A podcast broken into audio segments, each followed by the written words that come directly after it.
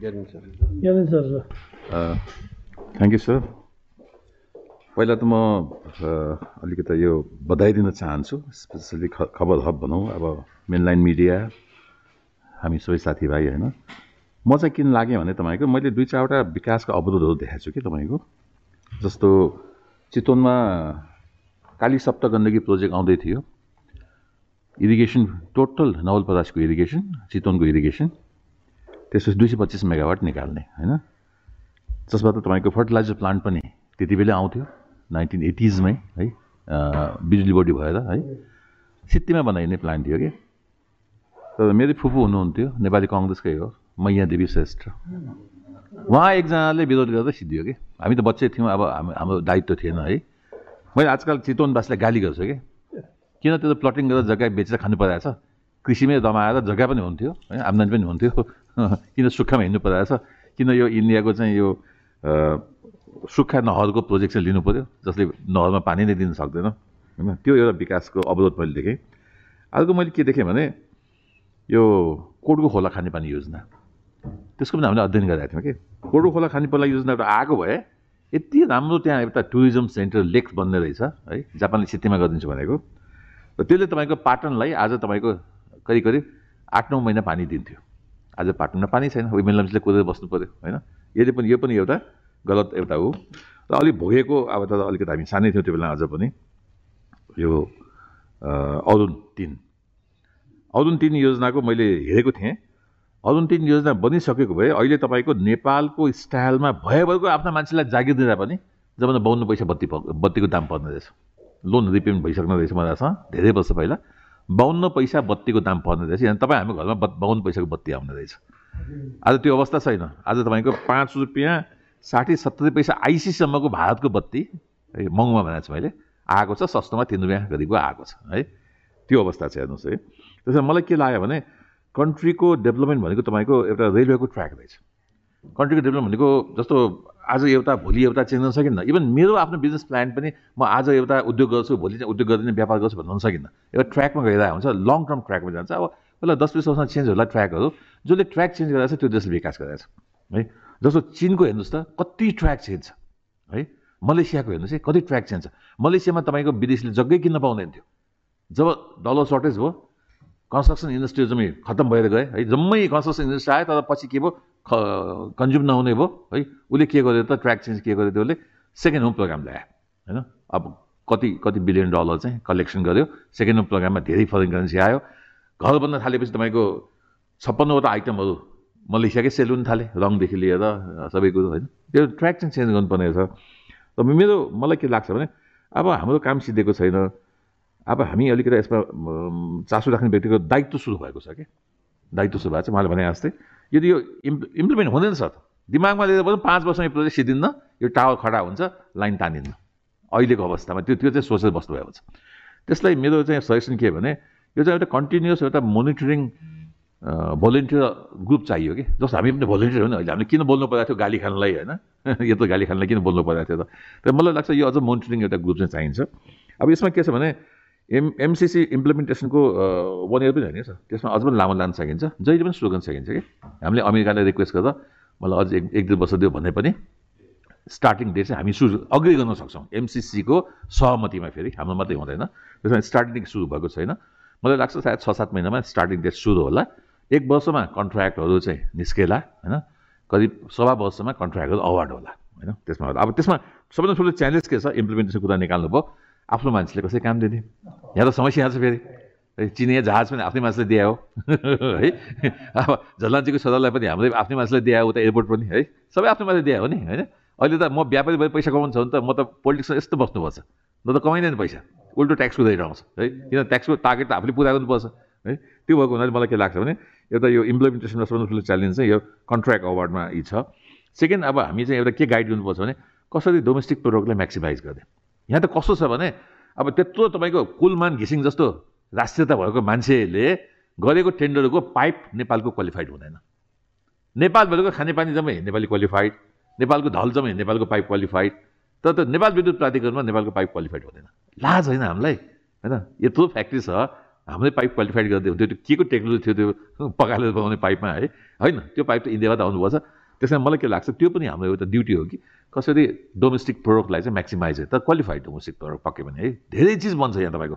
Tower बन्न सक्छ cement हाम्रो आफ्नै छ। यहाँ त के लेखिने बेला छैन। सिमेन्टमा चाहिँ यो यो यति वर्ष पुरानो सिमेन्ट फ्याक्ट्री मात्रै पाउने भन्दा नेपालको सिमेन्ट क्वालिफाइड नहुनसक्छ सम्भव छ है सर यो। यो पनि एउटा भ्यालु एडिसनको लागि चाहिने हो। भ्यालु एडिसन त मैले देख्छु eighty eighty eighty five percent value addition त देशभित्रै बस्नु यसमा त साँच्चै भन्नुभयो। अब कन्ट्र्याक्ट प्रिपरेसन कन्ट्र्याक्ट अवार्डपछि अर्को ठुलो समस्या भनेको लाइन एक्वेसन हो होइन। लाइन एक्वेसनमा त मलाई लाग्छ यो सबै भएको छैन। चेन्ज हुन्छ धेरै चेन्ज हुन्छ त्यसमा होइन? धेरै चेन्ज हुन्छ। कम बाँकी छ तर तर यसमा राम्रो राम्रो पक्ष के छ भने कम्पेन्सेसन चाहिँ अलिक हेभी भएको हुनाले म त राति मात्रमा गएको थिएँ सब दङ्गबाट नयाँ घर बनाएर बसेको छन्। है त त्यो हिसाबमा चाहिँ त्यो राम्रो लस लाग्छ मलाई है। अर्को कन्स्ट्रक्सन कुरा अब अब कन्स्ट्रक्सन भनेको कस्तो भने तपाईँको हाइड्रो पावर बनाउनु पऱ्यो त्यो पाँच सात किलोमिटरमा काम गरेर पुग्छ यो त तपाईँको अब तिन सय बाह्र किलोमिटरमा काम गर्नुपर्छ कि? प्रत्येक टावर भनेको तपाईँको एउटा ऊ हो एउटा एउटा तपाईँको प्रोजेक्ट जस्तो हो कि? देखिहाल्नुभयो खिम्ती ढल्केमा पाँचवटा टावर चाहिँ वर्ल्ड ब्याङ्कले चाहिँ अलिक इन्टरफेयर गर्दाखेरि न त्यो मान्छेलाई जबरजस्ती गर्न पाइयो है? अब हामी कहाँ त अहिले जबरजस्ती हुँदैन। बाबुराम जस्तो सडक नखोलिकन सडक कहिले पनि खोलिँदछ सिधै कुरा है? त्यो त्यो कानुनले देओस् नदियोस् है? त्यस्तो त्यस्तै नीति चाहिन्छ। त्यसमा दस बिसजना दस बिस पर्सेन्ट पिल्छे लानु। अस्सी पर्सेन्टको तपाईँको आखिरमा गलत ट्र्याकमा हिँड्ने मान्छे हुन्छ। अहिले त कस्तो चलन आएको छ ट्रान्सपोर्ट लाइन भने अब डर मलाई के लाग्छ एउटा साथीको ट्रान्सपोर्ट लाइन तपाईँको जग्गा एउटा चालिस गुणा बढी मूल्यमा मालपुरमा पास गरेर लियो। र उसले रेकर्ड भन्यो मैले त यतिमा किनेको जग्गा म कहाँ यतिमा दिन्छु? मलाई त्यसको त ब्याज चाहियो। चालिस गुणा बढी अब अब एक हजार रुपियाँ पनि किने होला अब चालिस हजार भन्दैछ त। त्यो जग्गा पनि किन्नु पऱ्यो कि? किन कानुनले उसले चाहिँ लिन सकेन। त्यो त त्यो चाहिँ एकदमै ठुलो क्राइसिस छ है।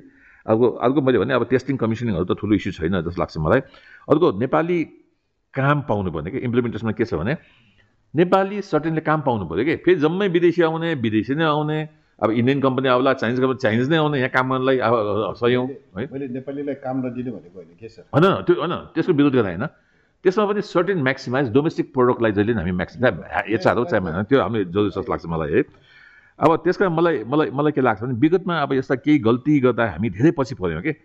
चुखा एउटा एक्काइस पैसामा बेच्छु भनेर बनाएको गल्ती गलत प्रोजेक्ट है। एकदमै गलत प्रोजेक्ट हो। भारतले ठगेर बनाएको प्रोजेक्ट हो। एक्काइस पैसामा बत्ती किन्छु संस्था गरेको संस्था कपी पनि संस्था पहिलो संस्था। अहिले अलिक महँगोमा बेच्छ भुटानले फेरि चेन्ज गर्यो। त्यहाँबाट सिकेर उसले कहाँ जिडिपीमा कहाँ कति कन्ट्रिब्युट गर्यो उसले होइन? अब साउथ एसियाको हाइएस्ट जिडिपीमा पुग्यो पर क्यापिटामा अब हामीले अरू एउटा फाल्दाखेरि के भयो त हामी अलमल भएर खिम्टी र भोटिकुसीमा अड्केर बस्यौँ। साँच्चै भन्नुभयो अब बल्ल अलिकता पऱ्यो। त्यही त बस्यौँ है। त्यसमा मलाई के लाग्छ हाम्रो दायित्व सुरु भएको अवस्था छ। अब अहिले तिन वर्षमा तिन हजार पाँच वर्षमा पाँच हजार दस वर्षमा पन्ध्र हजार मेगावाटको जुन गभर्मेन्टको टार्गेट छ तिन हजार मेगावाट त करिब पुग्ने अवस्था पुगेको छ। अलिअलि कोभिडको टाइम निकाल्यो भने पुग्छु नै है।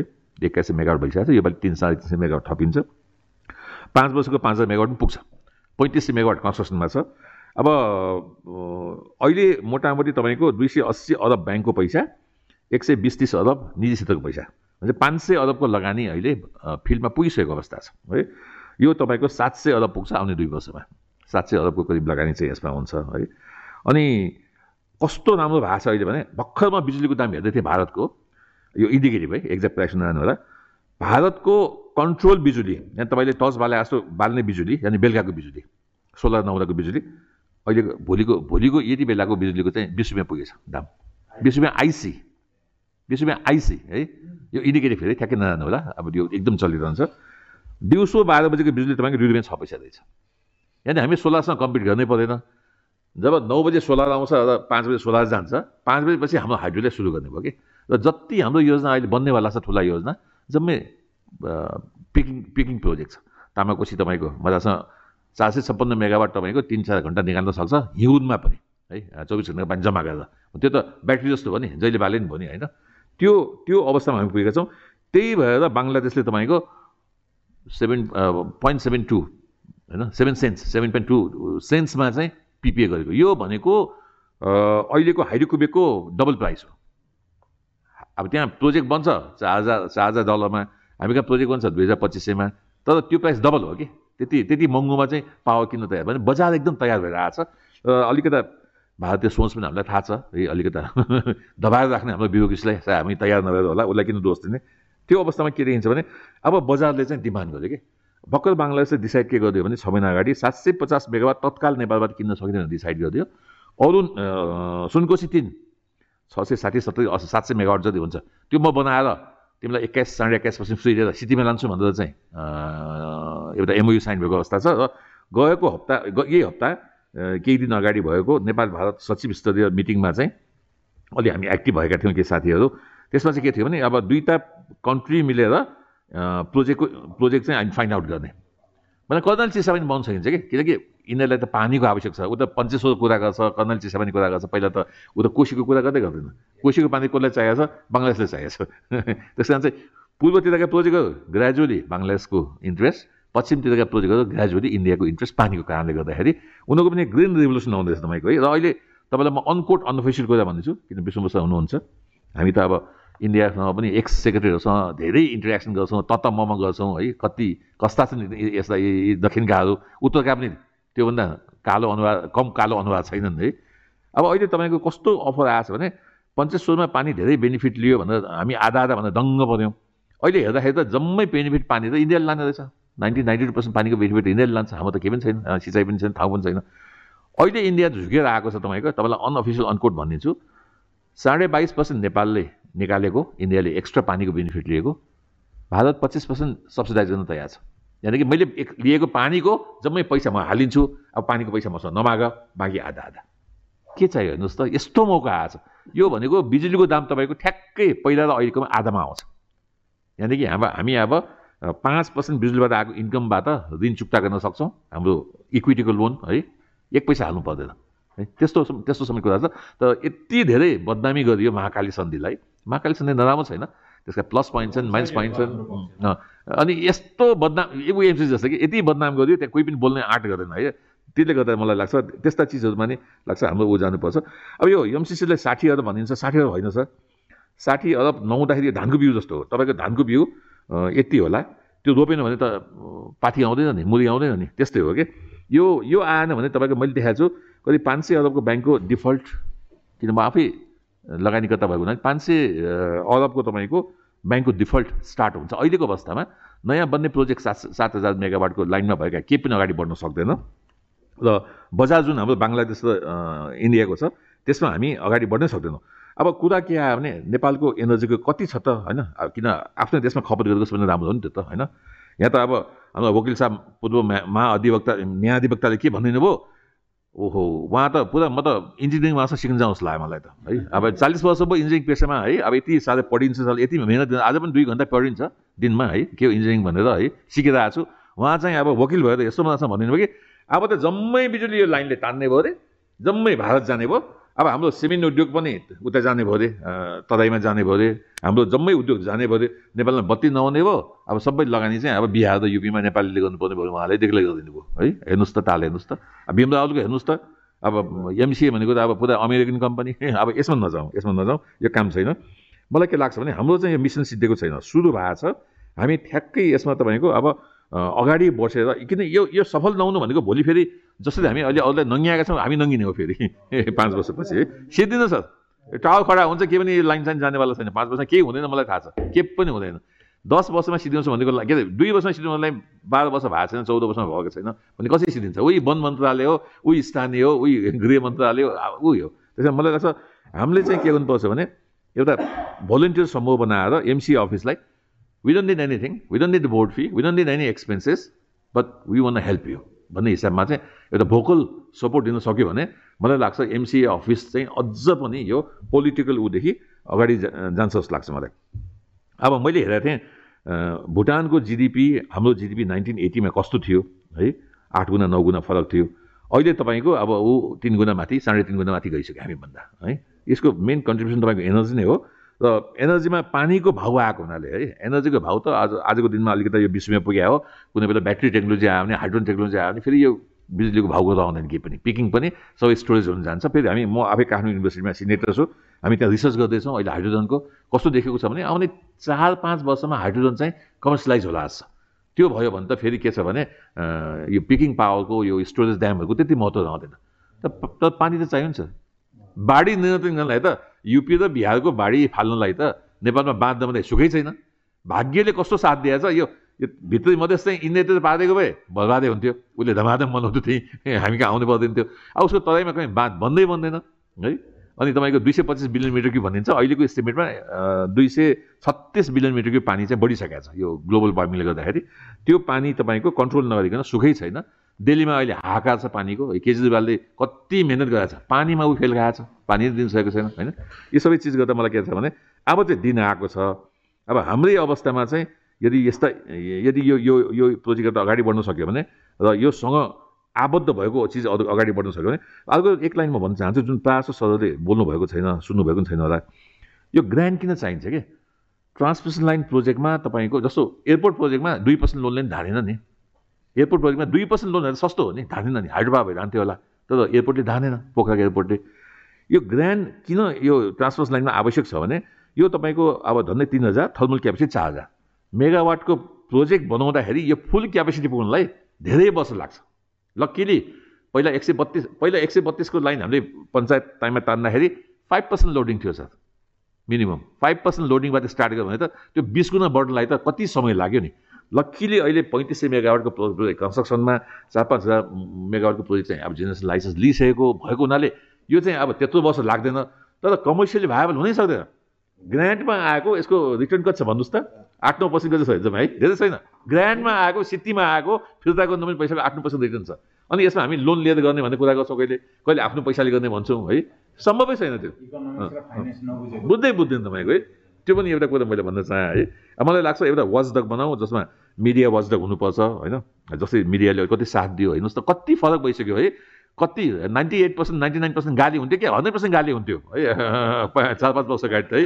अहिले हेर्नुहोस् त फोन गरेर तपाईँको बधाई दिने साथीहरूको लर्को लगाएका छन्। हेर्नुहोस् त है तपाईँ त ओहो बोल्नुभएको ठिक भयो भनेर है धेरै बुझ्दै गएका छन्। युवाहरू पनि कति सजग भएका छन्। खालि लिडरसिप गल्ती भयो नि।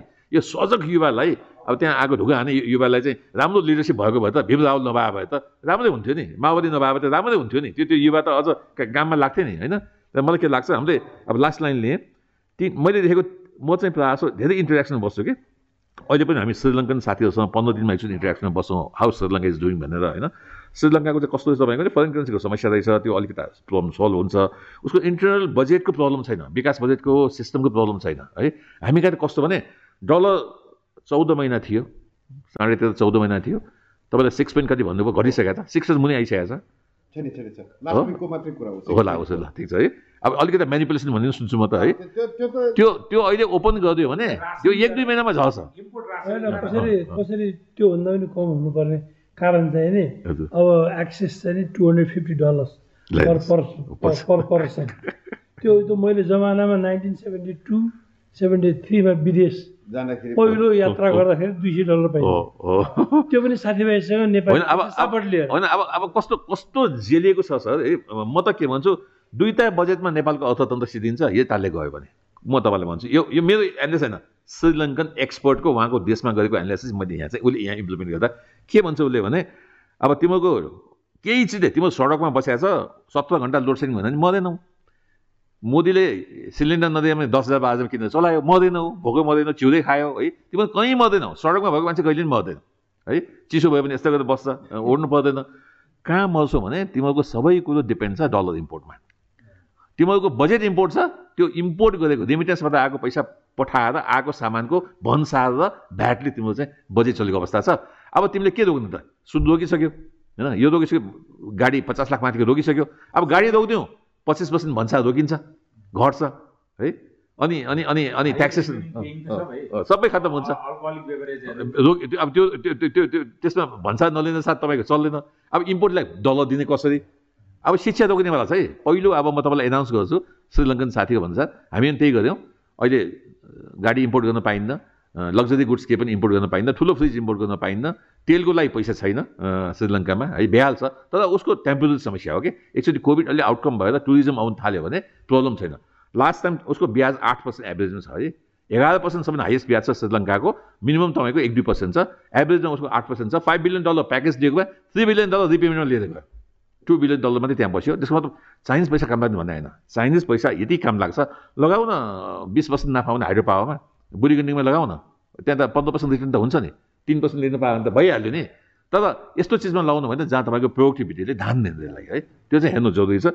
र नेपालको टोटल सिस्टम गलत गएको छ है म भन्छु। जस्तो हामी के भन्छौँ अब सडक ठुलो बनाऊ भन्छौँ। किनभने ट्रक आएको जाम भयो अरे कहाँदेखि तपाईँको वीरगन्जदेखि अझै रेलवे बनाऊ भनौँ न। दुई घन्टामा तपाईँको एक सय छत्तिस किलोमिटरमा दुई घन्टामा तपाईँको त्यहाँ सामान ड्राइपोर्टमा नझारिकन अहिले ड्राइपोर्ट जानुहोस् त। सामान राख्ने ठाउँ छैन ड्राइपोर्टमा है। स्वात्तै काठमाडौँ आइपुग्छ यहाँ चोबालमा आइपुग्छ होइन। उता ध्यान छैन। ध्यान कहाँ छ? बाटो ठुलो बनाऊ। यो बाटो त खाली भइहाल्यो नि। दस हजार बाह्र हजार गाडी चाहिँ ठुलो गाडी डेली आउने जाने छ है यो काठमाडौँमा होइन। वान मैले हिसाब गरेर थिएँ वान बिलियन डलर तपाईँको इन्डिया जाने रहेछ ट्रकमा डिजेलमा मोबिलमा अब इभन अलकत्तामा अलकत्ता पनि इन्डियाकै हो हामी नेपाल छैन है। इभन कामदार पनि हामी कति इन्डियाको ल्याउँछौँ है। यी सबै चिजमा तपाईँको वान बिलियन डलर आजको दिनमा जाने रहेछ है। तर केबी ओलीलाई म एकदम धन्यवाद दिन चाहन्छु। केबी ओलीजीको वरिपरिका मान्छेले कुनै पनि हालतमा यो रेल ल्याउने सहमति थिएन। के कसरी रोकेको थियो त? स्ट्यान्डर्ड गेजमा तिन सयको स्पिडमा बनाइदियो भनेर भारतमा चिठी गएको छ। चिठी कपी मसँग छ तिन सयको स्पिडमा कहिले रेल बन्छ काठमाडौँमा? उकालो रेल आउँछ? वान एन्ड हाफ के अरे वान एन्ड हाफ डिग्रीको चाहिँ उकालोमा? आउँदै आउँदैन। फेरि ब्लोडेजमा ल्याउँदै है? अनि त्यसलाई फेरि झार्दै फेरि अर्को स्ट्यान्डर्ड गेजमा राख्नु नि सम्भवै छैन कि स्ट्यान्डर्ड गेज है?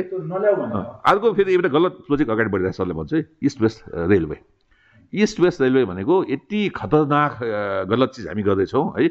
एक त हामी हाइवेलाई ठुलो गऱ्यौँ। यो हाइवेलाई ठुलो गऱ्यो यो हाइवेलाई सुपर हाइवे गऱ्यो भने त अहिलेको हाइवेले तपाईँको अठार वर्ष अठार वर्ष धान्छ। अठार वर्ष है। अर्को तपाईँको ट्राफिक धान्छ है। हाम्रो जम्मै मुभमेन्ट के छ? नर्थ साउथ छ। जम्मै मुभमेन्ट रक्सोल आएको सामान तपाईँको ठोदा नेपालगञ्ज जान्छ त कहिले पनि जाँदैन नि होइन। पकेट पकेटमा होला त्यसको भ्यालु होला न त इस्ट वेस्ट रेलवेको कामै छैन। हेर्नुहोस् त धन्दै धन्दै एउटा साथी मका आएको थियो ठेक्दा यहाँनिर दस करोड देऊ त यार त्यसलाई म पन्ध्र सोह्र करोड फिर्ता गरिदिन्छु छ महिना लाग्छ एडभान्स आउनु लाग्छ रेलवेको भन्थ्यो। ठेक्का भइसकेको थियो। मैले भने दसको पन्ध्रमा मलाई त इन्ट्रेस्ट छ भयङ्कर इन्ट्रेस्ट छ। त यो चाहिँ भएन यो विषयमा चाहिँ दसको पन्ध्र मलाई मन पर्दैन व्यापार गरेर खाएको भए चाहिँ म खान्थेँ व्यापारी हुँ छोडिदिन्थेँ। अब त्यो ठेका चाहिँ क्यान्सल भयो। एकदमै गलत प्रोजेक्ट आइरहेको छ। अब फास्ट ट्र्याकको गल्ती डिसिजन हेर्नुहोस् है देखिहाल्यो के गरिरहेको छ यो हेर्दा मलाई के देखाइन्छ म के देख्छु भने यो वाच ग्रुप चाहिँ चाहिँदो रहेछ कि सर?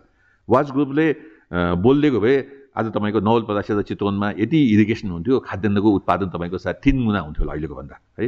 भारतको इम्पोर्ट तपाईँको अब पुरै जिरो नभए पनि केही न केही घट्थ्यो होला है। ती सबै चिजमा भएको हुनाले अब यो ग्रुपलाई सबैलाई धन्यवाद दिँदै मलाई के लाग्छ भने एउटा राम्रो काम भयो। त्यो कसैको जित पनि होइन कसैको हात पनि होइन होइन। यो तपाईँको राष्ट्रलाई चाहिने एउटा यो ट्र्याक लाइन बनेको हो है। त्यो त्यो अवस्थामा जलविद्युतको चाहिँ डिमान्ड कति छ म तपाईँलाई सानो अब लास्ट डेटा लिएँ है सर। अहिले एक लाख गिगावाट आवरको हामीले एनर्जी युज गर्ने रहेछ इलेक्ट्रिकल टर्म्समा दाउरा साउरा जम्मैलाई बिजुली टर्म्समा लग्यो भने कति भनेको एक लाख गिगावाट आवर है? एक लाख गिगावाट आवर भनेको एक गिगावाट आवर भनेको पाँच सम्झिनुहोस् न। बिस हजार मेगावाटको जलविद्युत अहिले नेपालमा आयो भने थ्योरिटिकली सबै नेपालमै खपत हुने रहेछ। तर हुँदैन किन सबै जलविद्युत हुन सक्दैन। फोर्टी पर्सेन्टसम्म जानु सकिने रहेछ। सबैभन्दा बढी कुकिङ इन्डस्ट्री ट्रान्सपोर्ट ठुलो ट्रान्सपोर्ट रेलवे ट्रान्सपोर्टमा गर्दाखेरि नेपालले फोर्टी पर्सेन्टसम्म चाहिँ इलेक्ट्रिकल बिजुली खपत गर्न सक्दैन रहेछ अहिलेको। र आजको दिनमा हेर्दा के छ भने फोर्टी थाउजन्ड गिगावाट आवर चाहिँ खपत गर्न सकिने। जम्मा अहिले खपत कति गरिरहेको छ गत सालको आठ हजार। भने पाँच गुणासम्म हाम्रो चाहिँ अझ भने चाहिँ दस हजार मेगावाटसम्म लए पनि जलविद्युत खपत गर्ने ठाउँ हुँदैछ कि? कुलमान्छेसँग मेरो झगडा हुँदा कुपालजी कुलमान्छे पिपी बन्द गरेर बस्नु भएको छ। अब खपत छैन भनेर। अब छ सय अठार रुपियाँ ग्यास सिलिन्डरमा सब्सिडी गरेर ग्यास चाहिँ चालिस हजारको आयात गर्ने अनि बिजुलीको दाम बढा भनेर इआरसीमा e चाहिँ एप्लिकेसन गर्ने। अनि यस्तो पोलिसीले कसरी हुन्छ है? त्यस्तोमा मलाई लाग्छ यो यो यस्तो यस्तो समूहले चाहिँ राष्ट्र निर्माणमा चाहिँ एउटा ट्र्याक राख्ने काम गरिदिन्छ। फेरि ट्र्याकमा के कुदाउने कसरी कुदाउने स्पेसल इन्टरभ्यू दिनु पऱ्यो दैवीकरण गरिदिन्छ हामीले भन्यो भने त खान्छ। कुलतानलाई त छोडिन्छ अब म धेरै बोलेछ यति राखेँ। अब मैले देखेको एउटा के लास्ट लाइन चाहिँ एउटा हाम्रो ह्युमन रिसोर्सेस थियो ठुलो यङ यङ थियो। जम्मै खाडी पठाएर हामीले बुढा बनायौँ है। त्यहाँबाट आएको रेमिटेन्सबाट तपाईँको इम्पोर्टबाट हामी खाएर आज कस्तो हालतमा पुग्यौँ। खत्तम भयो। सेकेन्ड तपाईँको टुरिज्म थियो। टुरिज्ममा हेर्नुहोस् त के टुरिस्ट आउँछ? रियल टुरिस्ट छ सात लाख आठ लाख पनि आउँदैन। कहीँ कहीँ जानुहोस् है। केही पनि छैन। अब एउटा नेक्स्ट सेक्टर भनेको हाइड्रो पावर हो। यो देशमा न युरेनियम छ न यो देशमा पेट्रोल खानी छ यो देशमा अरू खानीहरू। नभएको चिज त छ भने नभन कहिले निस्क्यो भने त त्यसको लागि राम्रै हो होइन? त्यसलाई मलाई के लाग्छ अब यो अन्तिम विकल्प हो देश विकासको। यसमा चाहिँ एमसिसीको यो ट्रान्समिसन लाइनले चाहिँ ठुलो मेरिट हुन्छ काम गर्नेवाला छ। धन्यवाद हजुर। थ्याङ्क यू सो मच हजुर। ल अब लास्ट स्पिकर तपाईँ?